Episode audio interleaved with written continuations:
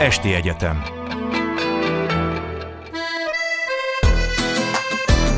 Kimerem mondani.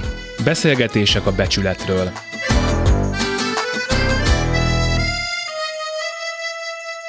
Sugár Ágnes vagyok, köszöntöm Önöket.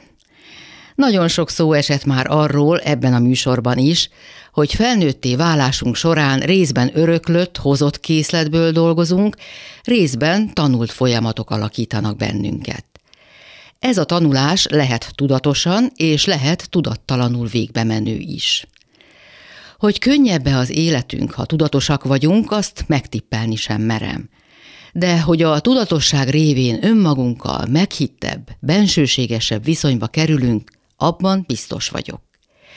És vajon létezik-e nagyobb biztonság, nagyobb támogató erő az önazonosságnál, amikor azt érezzük, hogy végre hazataláltunk? Komár Lajos, a Tankapuja buddhista főiskola tanára. Kimerem mondani. A buddha az erényt pszichológiai gyakorlatnak tartja Jack Cornfield, amerikai buddhista tanító író szerint, tehát nem isteni forrásból érkező parancsolatok sorának, hanem igenis saját egyéni erőfeszítések eredményének, amiért dolgozni kell. Hogy néznek ki ennek a munkának az alapjai?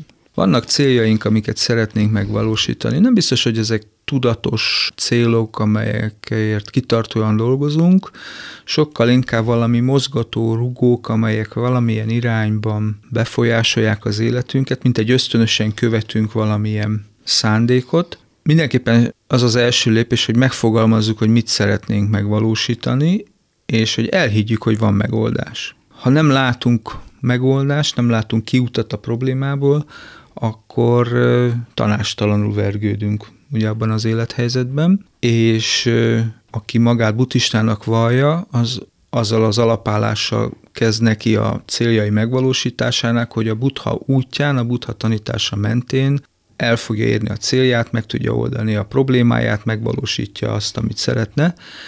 Tehát van benne egyfajta kezdeti bizalom, hit, egyfajta meggyőződés, talán fontos különbséget tennünk, hogy nem azt kell elhinnie, amit hall vagy olvas, hanem azt kell elhinnie, hogy ha jár az úton, akkor rá fog találni a megoldásra. Ez az önmagunkba vetett hit, hogy lehet, hogy még tanulnunk kell hozzá, de képesek leszünk, és hogy hogyan, az pedig például egy adott vallás, vagy egy adott hitrendszer meg tudja mutatni ezt a gyakorlati utat. Ez lenne a buddha tanítása. Igen, de a buddha maga is mondta, hogy ne hidd el, amit mondok, próbáld ki.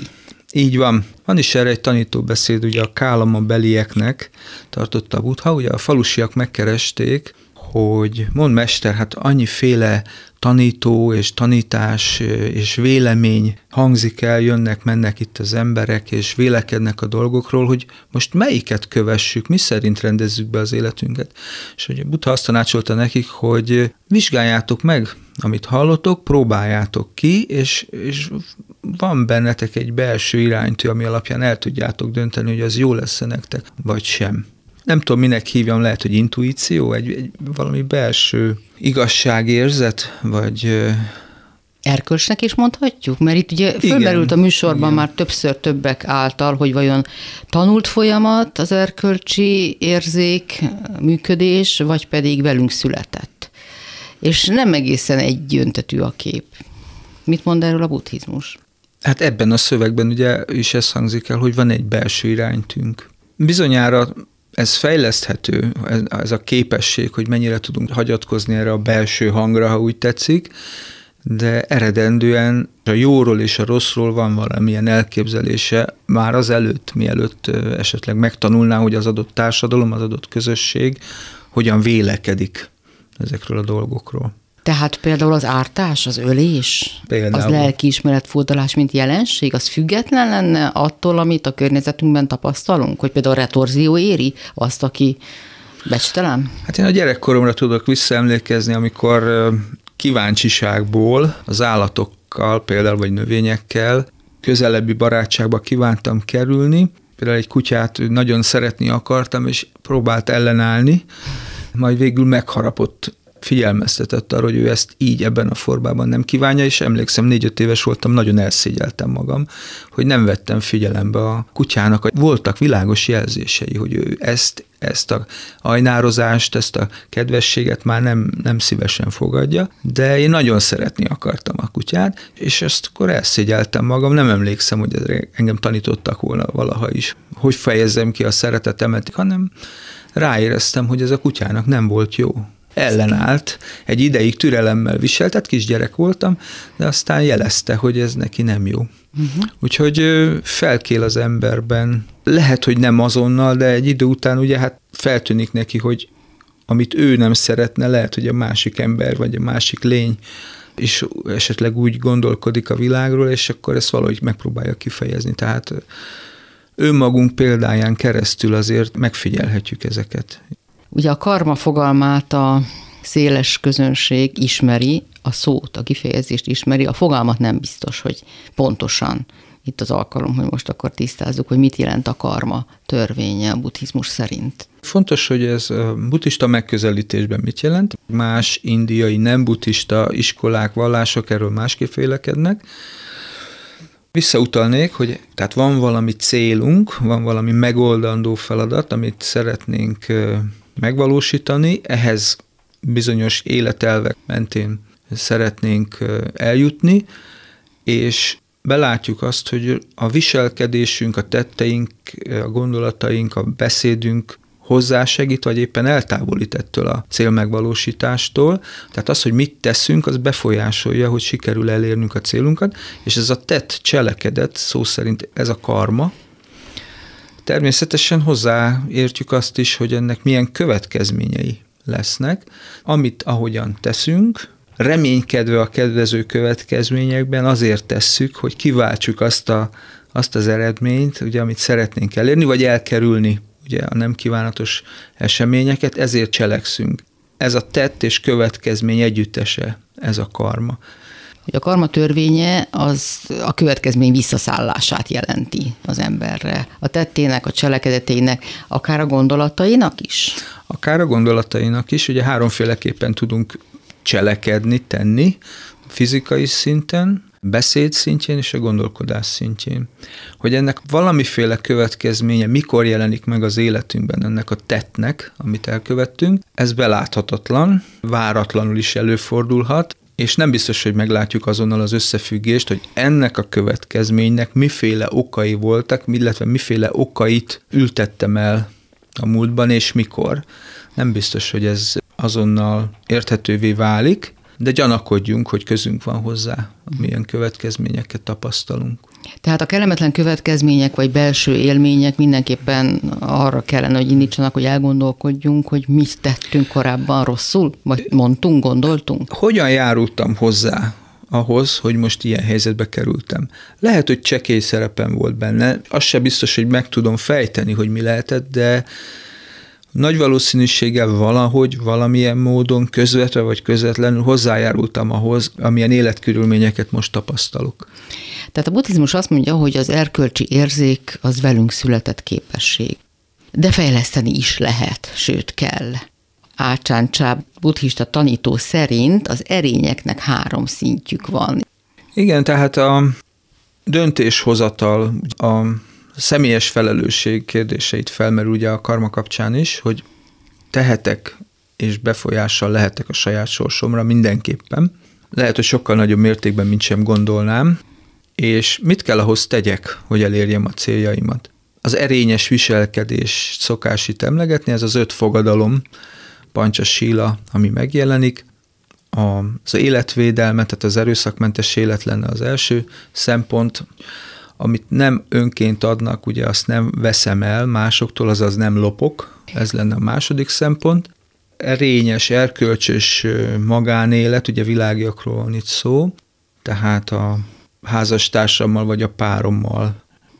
A tisztességes beszéd, kommunikáció, ugye nem hazudunk, nem állítunk valótlant, ez lenne a negyedik, és a bódító szerek kerülése, ami eredetileg nyilván alkoholtartalmú, de hát itt a modern korban lehet, hogy ki kell ezt terjeszteni más fogyasztható, idézőjelben fogyasztható, olvasható és tévében látható termékekre is. Ma már a bódulat az gyakran a médiumokból jön. Tehát aki ezeket az erényeket gyakorolja, az már is sokat tett, de van tovább is. Hát önma, igen, ez az önmagunk érdekében, ez egy önvédelmi mechanizmus is, hogy megtartson valami szellemi úton, és hát a közösségvédelme érdekében is történik mindez, hiszen ha én említett módon viselkedem, akkor konfliktusmentes élethez jutok, és a környezetem is ugye így fog hozzám viszonyulni remélhetőleg. Ugye ha mindenki így viselkedne visszafogottan, tisztességgel, akkor a személyes konfliktusaink hát szinte nullára csökkennének. Amikor ezt megtapasztalja az ember, talán ez lehet a második szintje, hogy nem csak betartja, hanem sugalja, hogy mások is ezt az erényes életvezetést kövessék, vitás helyzetekben fel is emlegeti akár, tehát védi azt a szabályrendszert, és megpróbálja értelmesen bemutatni másoknak, akik esetleg még nem látják az összefüggést ugye a személyes életvezetés és a társadalmi közösségi kapcsolatok között. Hát és a példamutatás gondolom, és mert pont a buddhizmus nem egy ilyen rábeszélős, kioktatós igen, igen, módszer. Igen. Elsősorban példamutatással, de ha kérdeznek, vagy a baráti környezetben témaként felmerül, akkor az ember elmondja, elmondhatja a személyes példáit, hogy ő hogyan értette meg, hogy érdemes, hogyan hibázott. Példaértékű lehet pusztán az, hogy elmeséljük, hogy hogyan csúszott félre a legjobb szándékkal is esetleg a viselkedésünk. És ezzel, mint egy öntudatlanul is, vagy nem szándékosan is, de védelmezzük a tanítástnak a, a tisztaságát. Mi lenne a harmadik?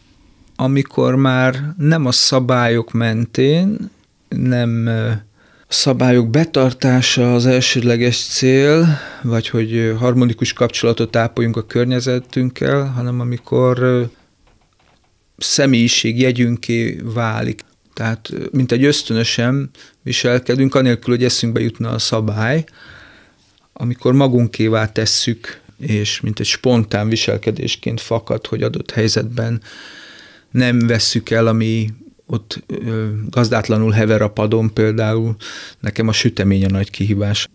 Ugye, ahol dolgozom, ott gyakran az asztalra kitesznek ételt, italt, ami azt jelenti, hogy fogyassza, aki, akinek igénye van rá, és bizony nem mindig van rá szükségem, viszont nem tudom megállni, hogy ne vegyem el. Ez nem lopás, viszont mohóság ebben az esetben. Tehát ez nagy küzdelem számomra. A másik ilyen mm, gyengességem ugye, hogy a, ha napokig látok heverni egy gazdátlan könyvet, akkor, akkor azt hazaviszem néhány nap után, mert... Ez mondjuk a főiskolán? A főiskolán, Ahol igen. Tanítasz. Tehát, hogyha nincs gazdája napokig, akkor inkább elviszem, és legfeljebb továbbadom valakinek, de hogy, hogy ne vesszen kárba, mert hát mi, mi történik a gazdátlan tárgyakkal? előbb-utóbb valószínűleg hát kidobjuk őket, mert hát nem kell senkinek, mit csináljunk vele, vagy odaadjuk annak, aki hasznosítani tudja. Úgyhogy én a könyveket azt nehezen viselem, hogyha gazdátlanul hevernek, akkor inkább begyűjtöm őket, és aztán továbbadom. Nagyon szeriden és nagyon logikusan felépítve beszélgetünk most már hetek óta, hónapok óta a buddhizmus szabályairól és a követés lehetséges módozatairól, de azért nem árt megemlíteni talán, hogy borzasztó nagy akadályokat kell nekünk embereknek önmagunkban legyőzni ahhoz, hogy ezeket valóban meg tudjuk valósítani. Ugye például az evolúciós pszichológia szerint a csalás, kényszere, vagy akár a hazudás kényszere belénk van kódolva. Nem feltétlenül ért egyet ezzel minden pszichológiai irányzat, de van egy ilyen nézet is, hogy a génelmélet szerint ugye az tud szaporodni, azt tud túlélni, azt tud megmaradni, aki elől aki előre tesz szert. Ezért aztán kvázi kódolva van bennünk az, hogy megpróbáljunk előre szert tenni, akár csalás, lopás, hazugság által el lehetne tagadni, de létező készségünk vagy hajlamunk. Igen, a versengés maga is, ha, ha csak ritkán is, de úgy megjelenik az emberben, vagy ha más nem, akkor önmaga előtt egy korábbi, egy évvel korábbi önmagához képest szeretne jobban teljesíteni, tehát van egy valamilyen teljesítménykényszer is, mintha kódolva lenne bennünk, és nem is másokkal, de önmag, én önmagammal szoktam versenyezni, ugye? Hogy most kevesebb idő alatt nagyobb mennyiséget tudjak elvégezni, és akkor büszkeséggel tölt el, noha senki más nem tudja rajtam kívül.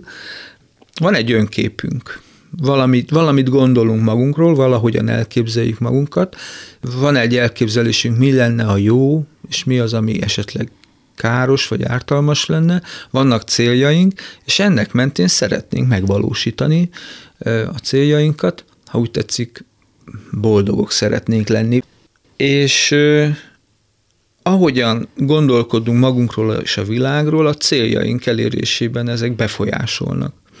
Lehet, hogy ez egy önvédelmi mechanizmus, ahogy a, a rólunk alkotott képet és a, és a céljaink elérése érdekében tett erőfeszítéseket tartjuk nagy becsben, és néha helyenként akár tisztességtelen módon is, vagy másokat félrelökve próbálunk előnyre szertenni, vagy előbb célba érni.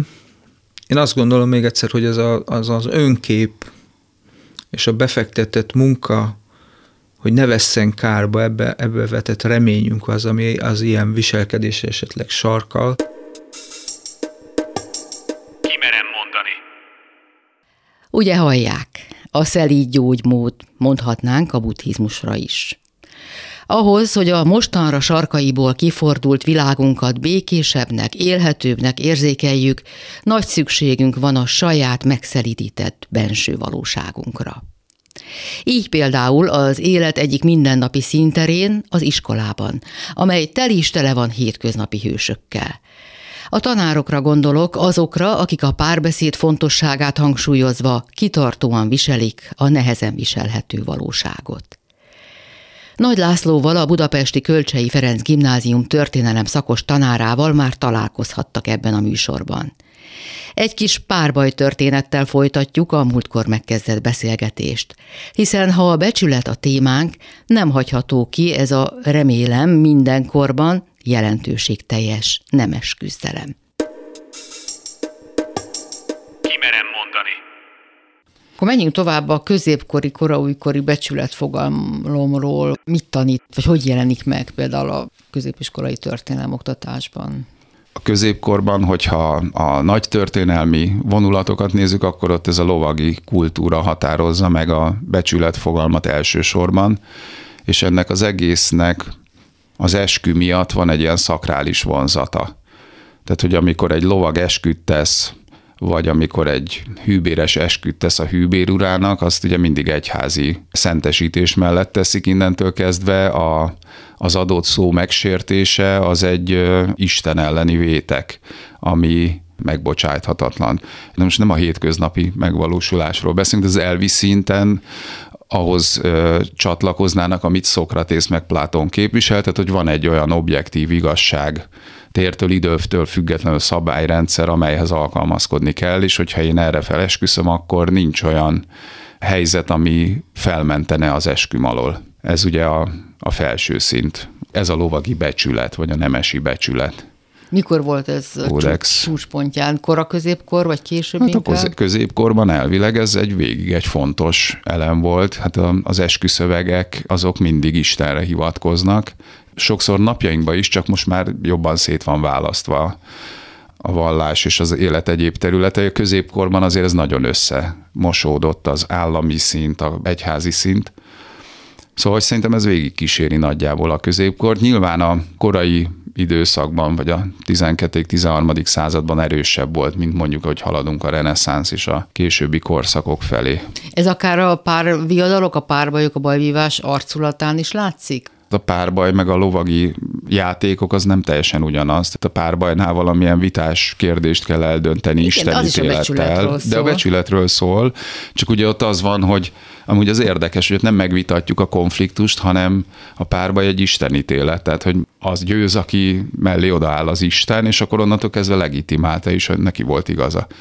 Ugye a lovagi tornákon meg egy sportesemény zajlott, most idézőjelbe, bemutatták a tudásukat, és ott például borzasztó fontos az ellenfél tisztelete, az egy rituálé, formai kereteknek a megtartása. És akkor tulajdonképpen a korai párbajokból, bajvívásokból nőtte ki magát az a forma, amikor már a becsület megvédése épp olyan fontos volt, de valójában már sokkal inkább szólt az önérzetről, az önbecsülésről. Hát igen, a párbaj az sokáig fönnmarad. Még a dualizmusban is felmerül, hogy milyen furcsa, hogy egy jogállam keretei között a törvényhozási képviselők párbajoznak egymással, ami ugye egy elég erős ellentmondás egy jogállamba de hogy valóban ez a késői fennmaradt formája az inkább szól szerintem az önérzetről, mint a becsületről, vagy tisztességről, bár mindig azt emelik ki, hogy becsületsértés történt, meg kell védenem a becsületet, vagy a másik tisztességét, hogyha mondjuk egy nő iránt volt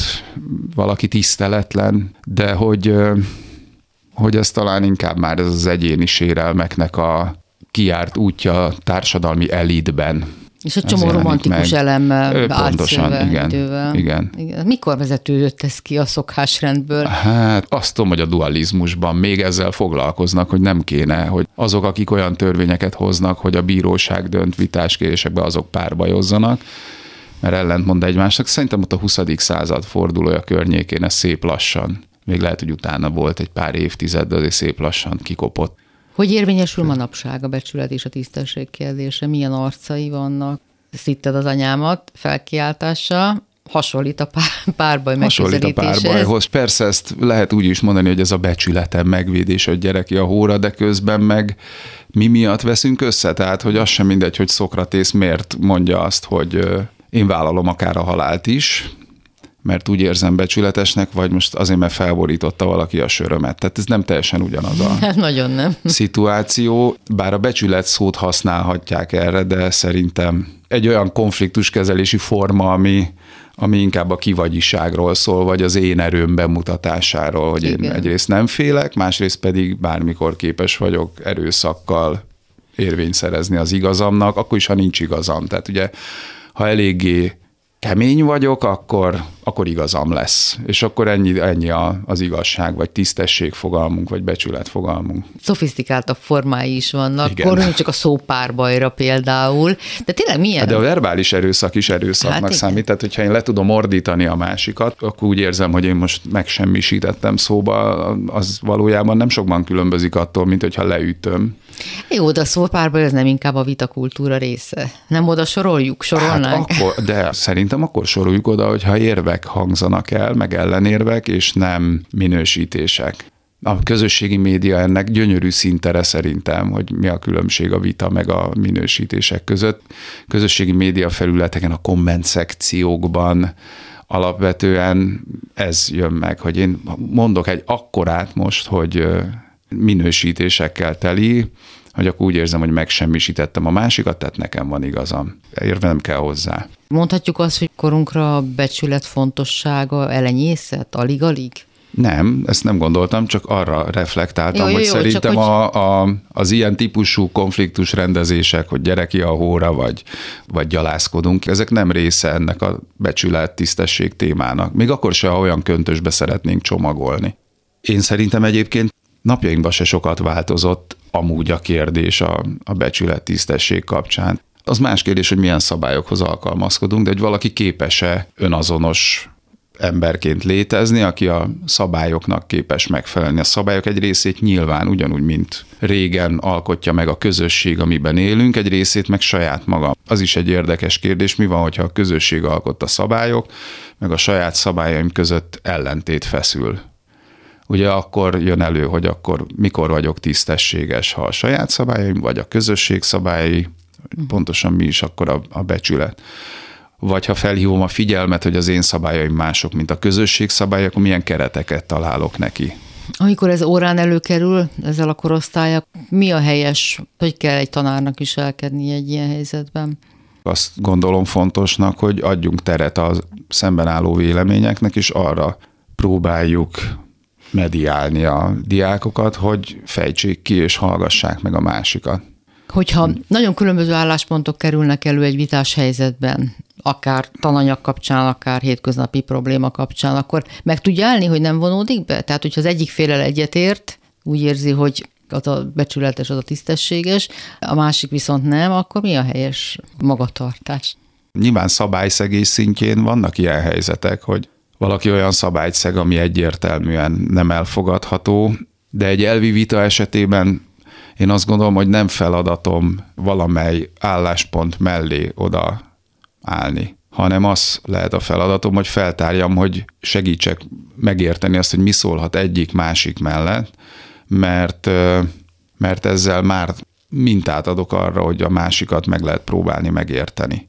Tehát nincsen... most, nyilván vannak olyan szélsőséges szituációk, ahol az ember kénytelen bevonódni. Tehát most valaki nyíltan elkezd egy olyan ideológia mellett érvelni, ami a modern társadalmak szerint elfogadhatatlan, akkor, akkor ott természetesen bevonódik egy tanár, de amíg de vita az... mit csinál például? Valami nagyon szélsőséges ideológia megjelenik.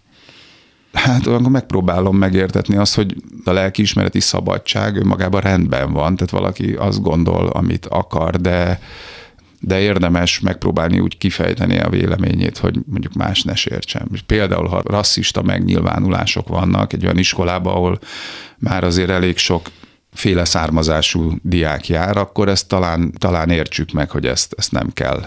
Jellemző? Van ilyen? Nem, nem nagyon. Nem nagyon. Nyíltan nem. Nyíltan. Az, hogy hát, tehát az, hogy a kommunikációs rétegekben ez hogyan jelenik meg, az már egy másik kérdés. Tehát mm de nincs. Nyilván a tanárnak nem dolga az, sőt nem is szabad, hogy politikai állásfoglalást tegyen közzé ezen az oldalon, vagy azon az oldalon, a tanóra keretén belül, egyáltalán iskola falai között a diákjai felé, de mi a dolga ezen a téren? Tehát mi az, amire föl kell hívni a figyelmet, ami felé terelgetni kell a fiatalokat? Ez egy olyan kérdés, ami eszembe jutatja, hogy nemrég olvastam egy cikket, amely pont ezzel foglalkozik, csak nem emlékszem a szerzőjére de ő pont azt írja le, hogy mekkora baj, hogy a magyar közoktatásban elterjedt az a felfogás, hogy nem szabad politizálni. És a cikkírója nem azt a politizálást érti ez alatt, hogy foglaljunk állást valamely párt, valamely pártvezető mellett, és mondjuk azt, hogy neki van igaza, hanem ő azt mondja, hogy a politizálás az egy teljesen természetes közege különösen a kamaszkornak, de egyébként a felnőtt kornak is, és az, hogy ezt az iskolában nem hozzuk be, mert félünk tőle, félünk attól például, hogy megvádolnak bennünket részrehajlással, ezzel egy rengeteg olyan értelmezést veszünk el, akár történelmi eseményekből, irodalmi alkotásokból, amivel közel lehetne azokat hozni. És ugye ő pont azt mondja ebbe a cikkbe, nyilván nem szó szerint, hogy a politizálásnak azt a formáját kell behozni az iskolába, amely megmutatja, hogy többféle véleménynek, ezt hívjuk politizálásnak, lehet létjogosultsága, és ezen belül nekünk valamilyen érvrendszer mentén kell állást foglalnunk, és az már mindegy, hogy az mi lesz az állásfoglalás, hogyha tudok mellette érvelni. Ez nincs is jelen a történelem oktatásban manapság? Hát olyan formában, hogy történelmi jelenséget aktualizálva értelmezzünk, ugye ezt hívhatnánk az előző értelme vett politizálásnak, ilyen értelemben az a konszenzus a közoktatásban, hogy tartózkodunk tőle. Kik kötötték ezt a konszenzust? Ez hát egy iratlan a, szabály? Ez egy iratlan szabály lett, igen. Tehát szerintem nagyon szépen le van vezetve. Tehát, hogy amikor a rendszerváltás után elkezdődött Magyarország valamilyen monon újra gondolása, akkor nyilván az volt a minta, hogy előtte politizálás zajlott az iskolában, ami viszont nagyon nem volt jó, tehát hiszen egy szempontot próbáltak áttolni a diákok torkán, ugye az állampárt ideológiáját próbáljuk meg súlykolni egészen kiskortól, kisdobos mozgalom, stb. És hogy olyan, mintha az ettől való, vagy ez a minta, az egyszerűen azt mondta volna, hogy a politizálás általában nem jó az iskolába, vagy hogy lehozza azokat a feszültségeket, amik a nagy politika szintjén jelen vannak a közoktatásban, és hogy ez nem jó.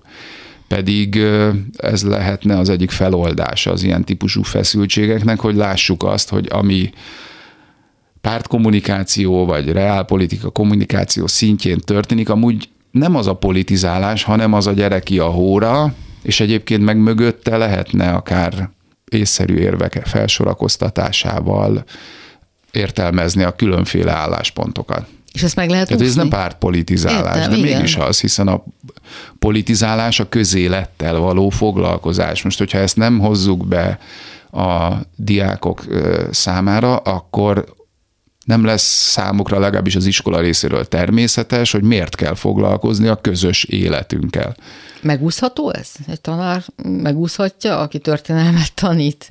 Persze, hát lehet nagyon diplomatikusnak lenni, elkerülni ezeket a kérdéseket, De nem érdemes, Hát nem? én úgy vélem, hogy nem érdemes, úgy vélem egyébként, hogy amúgy nem is lehet valójában megcsinálni. Így, ahogy az előbb elmondtam, így biztos nem. Úgy értem, hogy nem lehet azt megcsinálni, hogy teljesen kívül hagyom.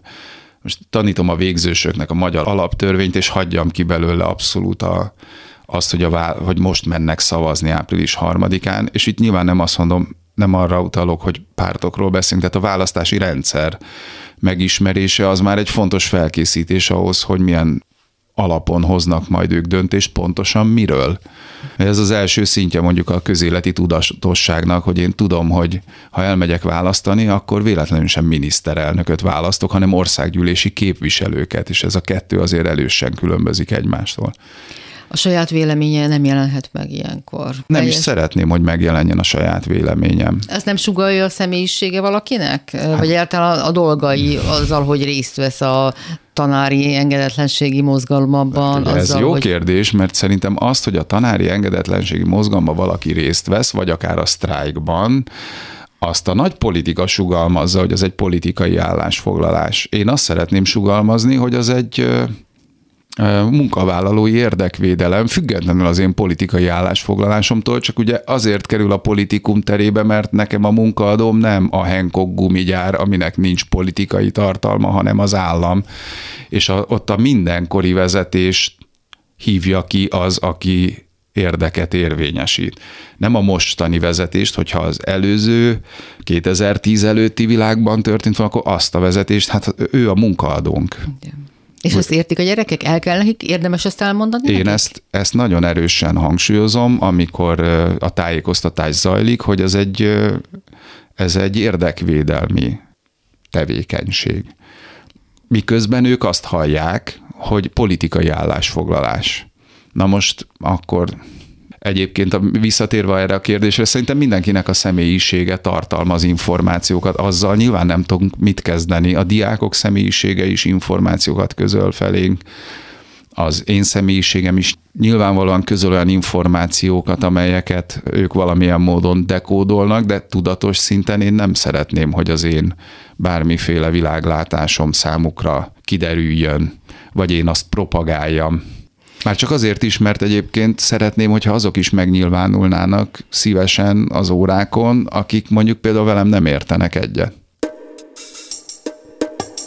Kimerem mondani. Most egy kicsit visszamegyünk a múltba, hogy aztán újra a jelenben időzzünk, mert hiszen végső soron minden mindennel összefügg. A párbajkultúra lelki vonatkozásai, a morál és az erkölcs miben léte is vizsgálódásunk tárgya lesz. Tar Bence László filozófus, kulturális antropológus kalauzolásában. talán tavaly karácsonykor mutatták be Ridley Scott feldolgozásában az utolsó párba egy című filmet, ami hát az egyik utolsó ilyen Isten ítélet párbajról szólt. Ugye a kora középkorban, ha valakit becsületsértésen eh, kaptak, vagy úgymond becsületébe megsértettek. Itt egyébként egy feltételezett hűtlenkedés volt ennek a, a hátterében, akkor ennek minden esetben fegyverrel kellett eleget tenni, úgymond az igazságszolgáltatásnak a, az eszköze a párbajozás volt. Ami azt jelentette, hogy ugye a sértett fél élet-halál harcra hívhatta ki a sértőt, és úgy gondolták, hogy azért is hittek Isten ítélet párbajnak, mert úgy gondolták, hogy az igazság fog győzni, amit viszont egyedül Isten kezében van. Tehát teljesen mindegy, hogy milyen a, a képességei ezeknek a vívóknak, vagy párbajozó feleknek, az kell, hogy győzön, akinél van az igazság. Ezért ebből a párbajból nem lehetett kilépni, ezt nem lehetett feladni, tehát ez egy, ha belegondolunk, egy abszurd helyzet, hogy úgy gondolták, hogy például egy ilyen becsületbeli ügynek az egyetlen feloldása az lett, ha valamelyik fél meghal. Uh-huh. Tehát nem lehet az, hogy mind a kettő életben maradjon, hanem el lehet venni. És ez egy erkölcsös cselekedet volt, elvenni valakinek az életét az igazság nevében. Például egy párbaj keretek között. De ez nagyon fontos, hogy csak a párbaj keretei között volt ez erkölcsös cselekedet, mert az akkori szabályrendszerek ezt írták elő. Ha valaki ugyanazzal a karddal egy órával később párbajon kívül megölt egy másik embert, vagy ugyanaz a személy, de már nem a párbaj körülményei között, az gyilkosságnak számított, és a legnagyobb erkölcstelenségnek, és őt amiatt felkötötték, vagy kivégezték. Tehát nem a gyilkolás ténye volt maga az erkölcsös cselekedet, vagy erkölcstelen cselekedet, hanem hogy mikor, hol és milyen körülmények között zajlik. Hát ugye becsületét védi meg, de nem lehetett ezt bármire ráhúzni, hogy te engem most megsértettél? Tehát valódi nyomósok kellett? Főleg de. az évszázadok az idő haladtával, amikor azért már lazultak ezek a szabályok. Hát sajnos ennek ugye a teljes aktualitása megvan. Ugye háborús időkben megölni valakit, elvenni az életét, például egy másik nemzet vagy másik ország katonájának az életét, az erkölcsös cselekedetnek értéknek számít, még kitüntetést is osztanak érte, és elismeréssel jár. Ha nem lenne háború, és ugyanezt megtenné egy katona egy másik nemzet katonájával, akkor hadbíróság elé állítanak, mint gyilkost, hiszen nem volt úgymond kázusz belli, nem volt háborús indok vagy ok, amiért ezt a gyilkosságot elkövethette volna. Tehát nem a gyilkosság ténye, nem az ember élet elvételének a ténye erkölcsös vagy erkölcstelen ebből a szempontból, hanem az, hogy mikor és milyen körülmények között történik. Ezért kell az erkölcsöt a moráltól teljesen szétválasztani mert az embernek a belső igazság érzete az is, aki a gyilkosságot elköveti, akár egy háborús konfliktusban kioltja egy másik ember életét, attól a, úgymond a lelki ismeretét ez nem fogja feltétlenül feloldozni, sőt, hát ugye megint pszichológusok ezrei dolgoznak ezen, hogy, hogy hogy lehet később visszaintegrálnia úgymond a civil társadalom, miután ő mondjuk gyilkolt, vagy ölt, akár háborús konfliktusok esetén is, mert ez egy olyan sebet ejt ugye az ember lelkén, amit egy életen át hordoznak. Képletesen szokták mondani, hogy minden egyes ember élet elvételi, hogy meghasad az ember lelke, és olyan, mint hogyha ha személyiségének egy darabja, az szükségszerűen leszakad onnan, és azt valami eltávolított másodlagos személyiségként kezel. Tehát hm. mondhatjuk, hogy egy tudathasadásos állapotba kerül az ember ilyenkor. Hm. Azért az évszázadok során visszatérve még a párbajra, ami ugye, hát akkor a becsület és a bátorság demonstrálásáról szólt tulajdonképpen. Sokat lazultak a szabályok. Olvastam azt, hogy nagyon sokszor a jogalkalmazók sem vették már, például a 19. század végén már ezt a gyakorlatot komolyan, tehát nagyon-nagyon sokat lazultak a szabályok. Ebben sem voltak olyan következetesek és olyan szigorúak, mint az előbb említett kora középkori párbajok idején. Nem kellett már meghalni benne, már nem kellettek olyan nyomós érvek, Tudott talán rólam, hogy én ugye kardvívással is foglalkozom, tehát én mai napig élőben párbajozom, persze inkább versenykörülmények között, mint vívó, és ugye olyan értelemben ez érdekes mondani, átköltözött a sportvilágába, de maga a párbaj kultúra az mégsem változott. A párbajnak egy rendkívül nagy gyógyító szerepe van, azt gondolom, társadalmi értelemben is, egyéni szinten is. Ha valaki valamilyen sérelmet érez, azzal, hogy ő például kihívja ugye a sértő felet, azzal gyakorlatilag ő már erkölcsi győzelmet aratott, azzal, hogy konfrontálódik a ellenfelével nem hátulról piszkálja, nem titokból, súnyi módon mondhatjuk becstelen módon, ugye nem tudom én, suttogó propagandával megpróbálja, hanem oda megy nyíltan, és közli a sértés tényét a másikkal, és azt mondja, hogy te megsértettél engem, és ezért én téged ugye elégtételt követlek, és párbajra hívlak. Na most a másik személy, itt jön a becsületbeli kérdés, ezt el kell, hogy fogadjam. Ugye akkor válik becstelenné, hogyha egyrészt nem ismeri a sértést, vagy nem ismeri, hogy a másik felet megsértette, és nem jelenik meg egy párbajban. Akkor őt abban a pillanatban elvesztette a becsületét, de ha megjelenik a párbajnál, és ő ott nyíltan, mert ez egy formális és közösségi esemény, és ez nagyon fontos, hogy nem privát dolog, ez egy közösségi ügy, ott ő elismeri, hogy igen, sértettem, és ezzel nyilvánosan bocsánatot kérek, az előbb meg is vívta ezt a párbajt. Nem kellett neki fegyvert fognia, és valóban összecsapnia a másikkal, ha őt nyilvánosan bocsátot kér. Az is nagyon fontos, hogy ha mégis fegyverváltás vagy pengeváltásra került a sor, és ott aztán tényleg összecsaptak az ellenfelek, akkor soha nem a másik megölése volt a cél, már mondhatjuk a késő reneszánsz kortól, hanem egy párbajt vagy az első vérig, vagy az első sebzésig, vagy az egyértelmű feladásig vívták, és nagyon vigyáztak egymásra, hogy egymás életét ne vegyék el. Ugyanis már a ellenfélnek, aki a párbajt fölvállalta, mint helyzetet, annak tisztelet járt. Ő már azzal igazából tiszteletet érdemel, hogy kiáll. És miért mondom ezt ilyen részletesen?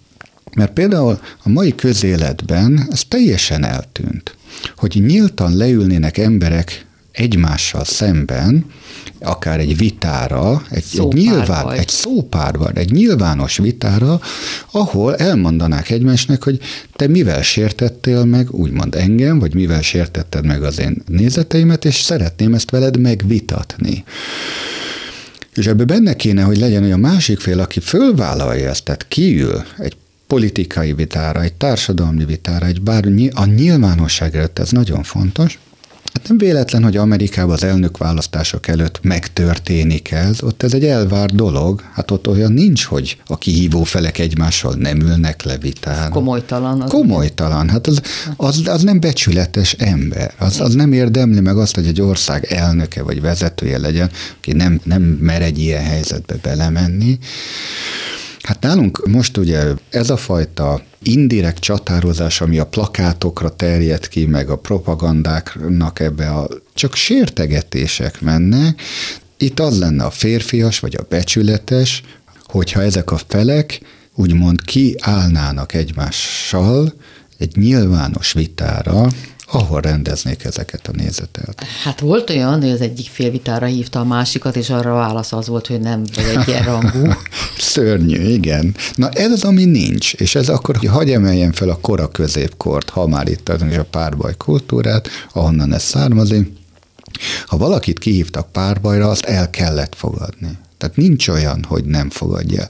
Abba a pillanatban, hogy nem fogadja el, ő maga becstelenségét állította. Elvesztette a becsületét, amit visszaszerezni onnantól kezdve annyira nem, hogy Gyakorlatilag ezzel ő azt is elfogadta, ha nem jelent meg és nem állt ki párbajozni, hogy a másik félnek a vélt igaza az igaz, és miután ő nem vállalta az Isten ítéletet fel, bárki megölhette. Bárki meg is ölhette ezzel.